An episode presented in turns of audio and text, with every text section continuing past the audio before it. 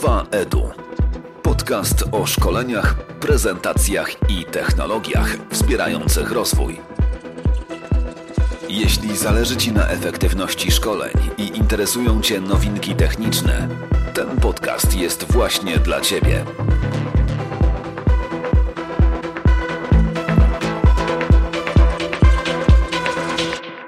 Tam jesteśmy tuż po konferencji Moodle Mood i mam przyjemność gościć jednego z e, organizatorów. Dzień dobry, Przemysław Stencel, e, Przemek Stencel. E, jak Piotr wspomniał, organizuje wspólnie z Tomkiem Walaskiem konferencję Moodle Mood, która jest poświęcona wykorzystaniu platformy e-learningowej Moodle w nauczaniu, w e-learningu, w zastosowaniach edukacyjnych, chociaż bardziej się tak naprawdę koncentrujemy w tej, w tej, w tej konferencji na e, kwestiach związanych z dydaktyką, z samym nauczaniem, a nie z technologią Niekoniecznie, niekoniecznie tylko i wyłącznie mówimy o, o aspekcie technologicznym, o samej platformie. Chciałbym zacząć od e, trochę nie od samej konferencji, nie od wrażeń z konferencji, bo nie zapytam na końcu, ale chciałbym zacząć e, od tego, ponieważ spora część słuchaczy to trenerzy, ludzie, którzy uczą, e, ludzie, którzy uczą w sali i jakby powoli oswajają technologię albo zaczynają ją oswajać. I ta konferencja no, poświęcona jest mimo wszystko, tym tematem przewodnim jest platforma Moodle, platforma do zarządzania szkoleniami, do prowadzenia komunikacji i tak dalej. No, ja ją znam, ale załóżmy, że kompletnie nic o niej nie wiem, kompletnie nic nie wiem o platformach e-learningowych, kompletnie nic nie wiem o, o tym, jaki software mógłbym spróbować wdrożyć, albo mógłbym spróbować e, zacząć się z nim, że tak powiem, oswajać. Od czego taki zwykły trener, który sobie uczy, ale chciałby zacząć próbować, że tak powiem, dotykać tego, tego uczenia online. Od czego powinien, mógłby zacząć, od czego warto byłoby spróbować? To znaczy myślę, że tak naprawdę dobrze jest y, na początek uświadomić sobie, że platforma e-learningowa to niekoniecznie musi być wykorzystywana do prowadzenia kursów w pełni learningowych. Czyli można tak naprawdę wykorzystać ją do celów, do których my tak czy inaczej wykorzystujemy różnych narzędzi internetowych.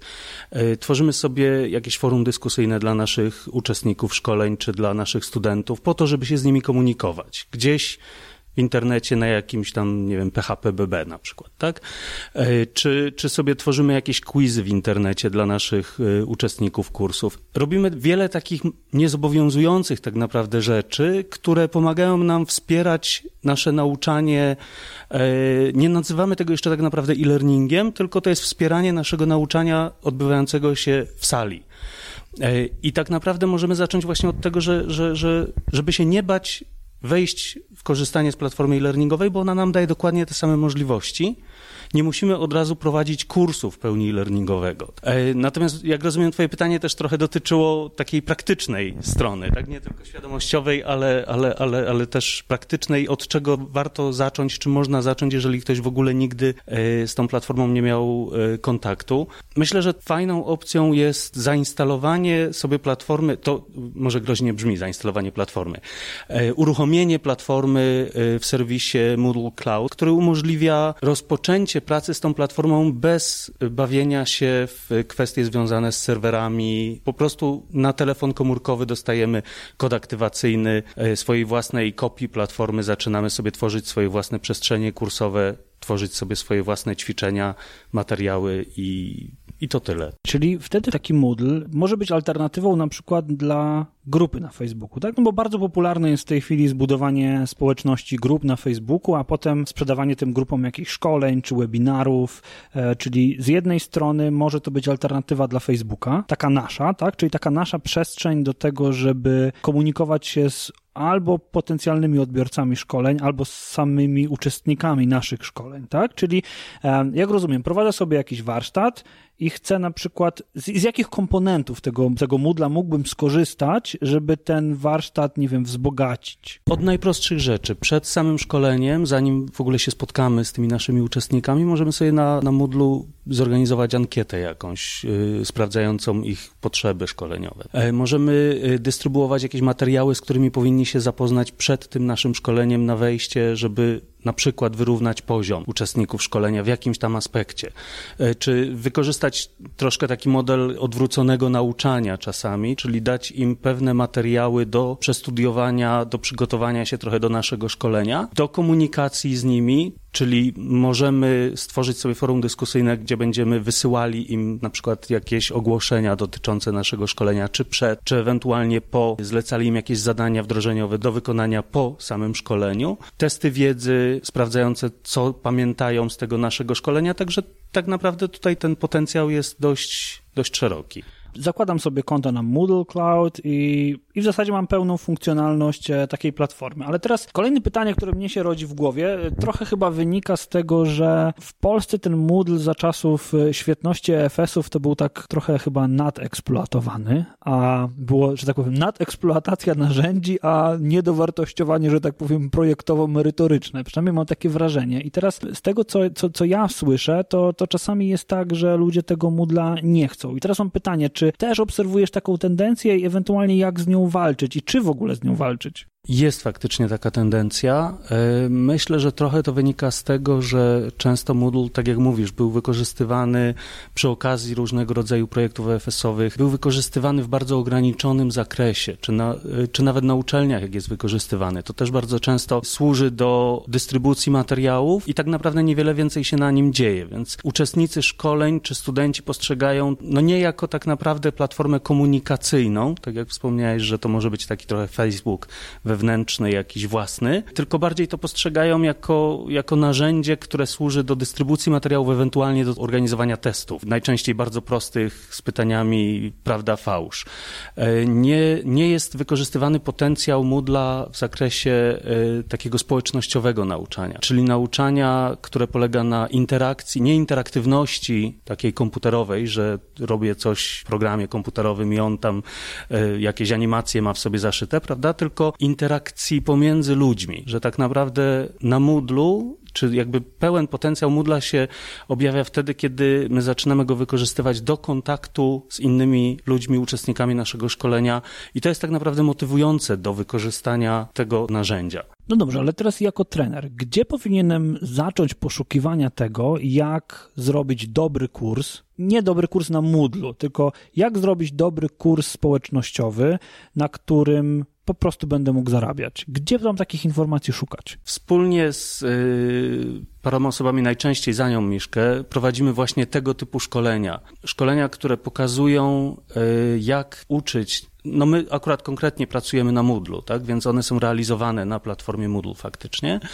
E, są to szkolenia, które uczą, jak można uczyć za pomocą platformy Moodle, ale one równocześnie same w sobie są szkoleniami realizowanymi na tej platformie właśnie w taki społecznościowy sposób. Czyli taka trochę, taka trochę incepcja edukacyjna. Ja czasami mówię na to takie trochę meta spojrzenie na, e, na e-learning, czyli z jednej strony jesteśmy uczestnikiem szkolenia po prostu, ale z drugiej strony staramy się jak najbardziej wychodzić z tych butów uczestnika, który wiadomo doświadcza pewnych rzeczy w tym szkoleniu. Czasami rzeczy, które go porywają, czasami rzeczy, które go stresują czy frustrują, ale właśnie zachęcamy uczestników tych naszych szkoleń do tego, żeby wychodzili z tej swojej skóry uczestnika tylko i wyłącznie i spróbowali spojrzeć na to doświadczenie, które oni mają jako uczestnicy, ale oczami prowadzącego, oczami trenera, oczami wykładowcy i próbowali y, wyciągać dla siebie wnioski z tych szkoleń. Prawda? Jeżeli y, Przemek z Anią przeprowadzili jakieś szkolenie i mnie jako uczestnikowi coś w tym szkoleniu odpowiadało, to ja sobie zapamiętam to, co mi odpowiadało i co powodowało, że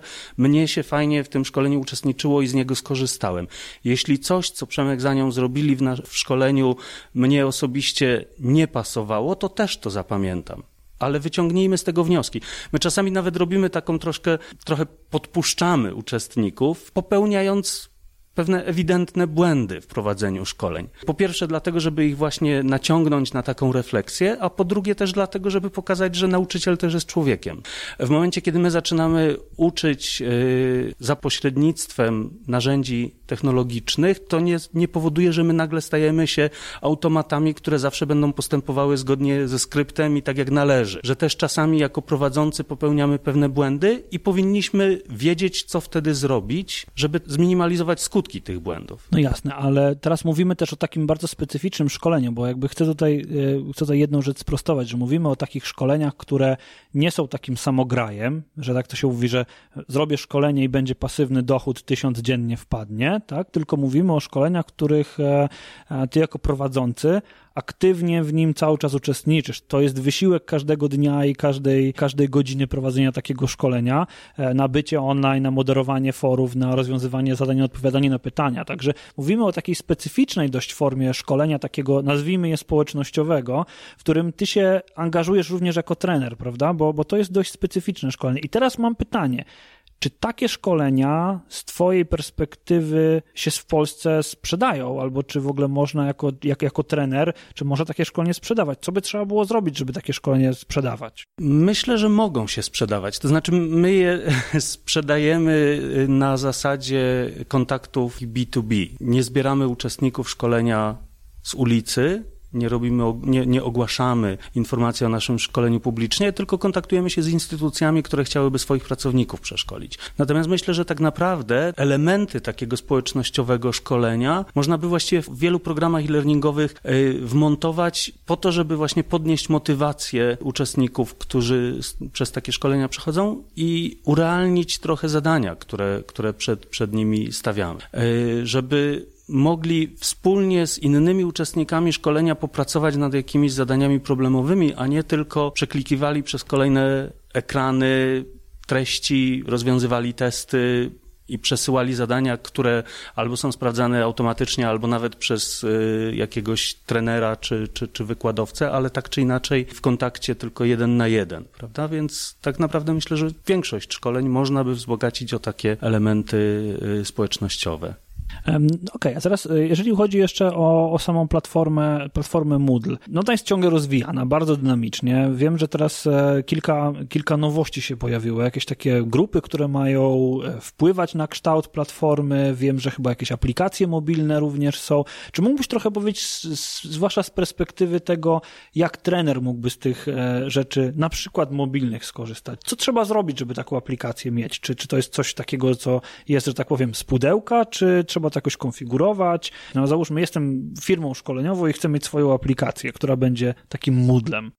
Yy, no przede wszystkim trzeba mieć Moodla najpierw, żeby korzystać z aplikacji, która później yy, będzie połączona z tą platformą. Natomiast sama aplikacja jest dostępna bezpłatnie e, w sklepach e, z aplikacjami, czy to aplowskim, czy, czy, czy googlowym. Wystarczy, że uczestnicy naszych szkoleń pobiorą tą aplikację. Musi być jeszcze faktycznie wykonana pewna drobna konfiguracja po stronie administracyjnej samej, samej platformy, żeby ona e, mogła się komunikować z tą, z tą aplikacją zainstalowaną na telefonach użytkowników. Natomiast nie, nie ma tutaj tak naprawdę dużej bariery wejścia wejścia w to wykorzystanie aplikacji mobilnej, chyba że chcemy ją mieć w pełni spersonalizowaną to wtedy można to faktycznie zamówić taką swoją własną kopię tej aplikacji, która będzie typowo pod naszą e, instytucję, będzie obrandowana, będzie się kontaktowała tylko z naszą platformą e, Moodle, a nie z innymi. I to się wtedy faktycznie wiąże z jakimś kosztem. No nie powiem Ci teraz z pamięci jakim kosztem, ale to coś kosztuje. Natomiast do wykorzystania takiego podstawowego nie ma, nie ma absolutnie żadnych problemów. To moje kolejne pytanie jest takie, jak oceniasz potencjał 交 tej platformy względem, e, nie wiem, chociażby takiego WordPressa, tak? Bo jakby ja widzę ogromną konkurencję w tej chwili pomiędzy tym, że no z jednej strony Moodle, którego e, sam używam z powodzeniem, mam nadzieję, że z powodzeniem, a z drugiej strony na przykład WordPress i dodatki do WordPressa, czy, czy landing page, na których są utworzone kursy e-learningowe z materiałami tylko i wyłącznie wideo, które chyba są najpopularniejsze. W sensie, jak oceniasz potencjał, który jest w Moodlu względem tych innych innych narzędzi, które się no, coraz bardziej popularne stają? Yy, myślę, że to jest trochę tak, że WordPress jest yy, narzędziem do tworzenia stron internetowych, który ma możliwość również za pomocą doinstalowywanych dodatków realizowania pewnych działań e-learningowych. Natomiast Moodle jest dokładnie czymś odwrotnym. Jest platformą, która jest dedykowana do nauczania, więc ma w sobie już od razu wbudowaną całą masę e, możliwości dydaktycznych, które w WordPressie trzeba doinstalowywać i one e, nigdy do końca też nie będą tak w pełni pod nauczanie skonfigurowane. E, natomiast Moodle z kolei się nie sprawdza za bardzo jako strona internetowa, czyli to jest trochę kwestia tego, co jest dedykowanym narzędziem do jakiego celu. Czyli możemy mieć albo WordPressa, który służy do tworzenia stron internetowych i przy okazji może też pełnić pewne zadania związane z e-learningiem albo, albo mieć dedykowaną platformę, która na tym się tak naprawdę koncentruje. I to jest jej podstawowe zadanie, więc będzie wiele rzeczy robiła lepiej, w bardziej spójny sposób również, bo wtyczki do WordPressa są robione przez bardzo różne osoby, prawda, więc instalując ileś tam wtyczek do WordPressa realizujących czy to funkcje forum dyskusyjnego, czy jakichś quizów, czy, czy innych tego typu rzeczy, no każda z tych wtyczek będzie jakby troszkę innym sposobem obsługiwana. Jasne, czyli jeżeli chcemy uczyć profesjonalnie, na dużą skalę i tylko tym się zająć, to musimy w jakiejś perspektywie czasu pomyśleć o platformie e-learningowej. Czy to będzie Moodle, czy coś innego, to potrzebujemy jakiegoś kombajnu na pewnym etapie. Ale jeżeli zaczynamy, czy zacząć od kursu mailowego może? Może zacząć od czegoś takiego bardzo, bardzo małego. Nie wiem, czy masz jakieś doświadczenia w tej kwestii. E, myślę, że zawsze dobrze jest zacząć od czegoś super prostego. No nie wiem akurat, czy kurs mailowy, czy jakiś kurs wideo, prawda, który będziemy umieszczać nawet na WordPressie właśnie. Zawsze jest dobrze zacząć od czegoś prostego, ale mieć jakby w dalszej perspektywie świadomość, co możemy zrobić więcej, co możemy zrobić bardziej i podejmować decyzje po prostu. Czy w mojej konkretnej sytuacji, dla mojej e, grupy uczestników szkoleń, te rzeczy, które platforma mi oferuje, faktycznie będą korzystne. Bo to nie jest tak, jak, jak, jak y, spytałeś przed chwilą, czy tak naprawdę powinniśmy w dalszej perspektywie myśleć faktycznie o, o, o jakimś kombajnie e-learningowym. Nie zawsze. Myślę, że nie w każdej sytuacji, nie w, nie w przypadku każdego kursu tak naprawdę powinniśmy to traktować jako jakiś cel dalszy. Czasami możemy prowadzić szkolenia w bardzo ograniczonym zakresie za pomocą bardzo ograniczonych narzędzi technicznych i w przypadku celów naszych szkoleń, to akurat może być absolutnie wystarczające. Rozumiem. Dziękuję Ci bardzo. Teraz mam jeszcze kilka ostatnich pytań, takie myślę, że ze dwa, e, dotyczące no, tegorocznej edycji konferencji Moodle Mood. No, ona właśnie przed chwilą się zakończyła. Rozumiem, że jeszcze kurz nie opadł, ale tak na gorąco, jakie są Twoje wrażenia z e, edycji w tym roku? Jakie trzy rzeczy, które, które były e, inne w tym roku? Tym pytaniem do mnie trochę zaskoczyłeś. Łatwiej mi będzie odpowiedzieć, jakie, jakie rzeczy były inne w tym i w poprzednim roku. Bo akurat ostatnie dwie, dwie edycje yy, się faktycznie dość mocno różniły od wcześniejszych. To znaczy, wcześniejsze edycje były bardzo kameralne yy, tego spotkania. W ogóle yy, konferencja Moodle Mood wzięła się od tego, że Tomek Walasek na, na forum użytkowników Moodle Moodle.org rzucił hasło. Słuchajcie, mamy wspólne pytania, wspólne problemy, wspólne pomysły jakieś, może podzielmy się tym wszystkim, spotkajmy się i, i, i, pogadajmy. Tak? Więc tak się zaczęło. Takie były pierwsze, pierwsze edycje konferencji.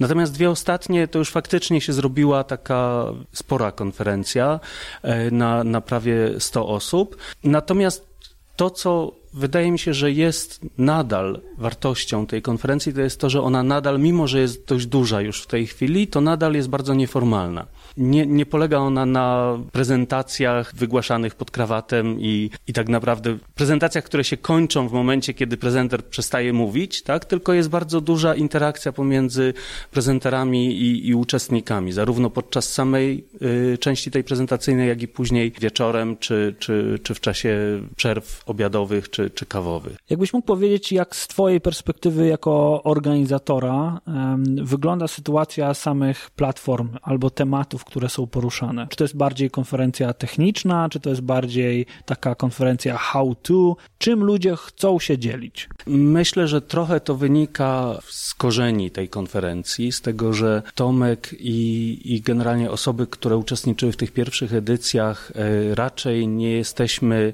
osobami typowo technicznymi, odpowiedzialnymi za wdrożenie e-learningu od strony technicznej, tylko od strony bardziej organizacyjno-dydaktycznej.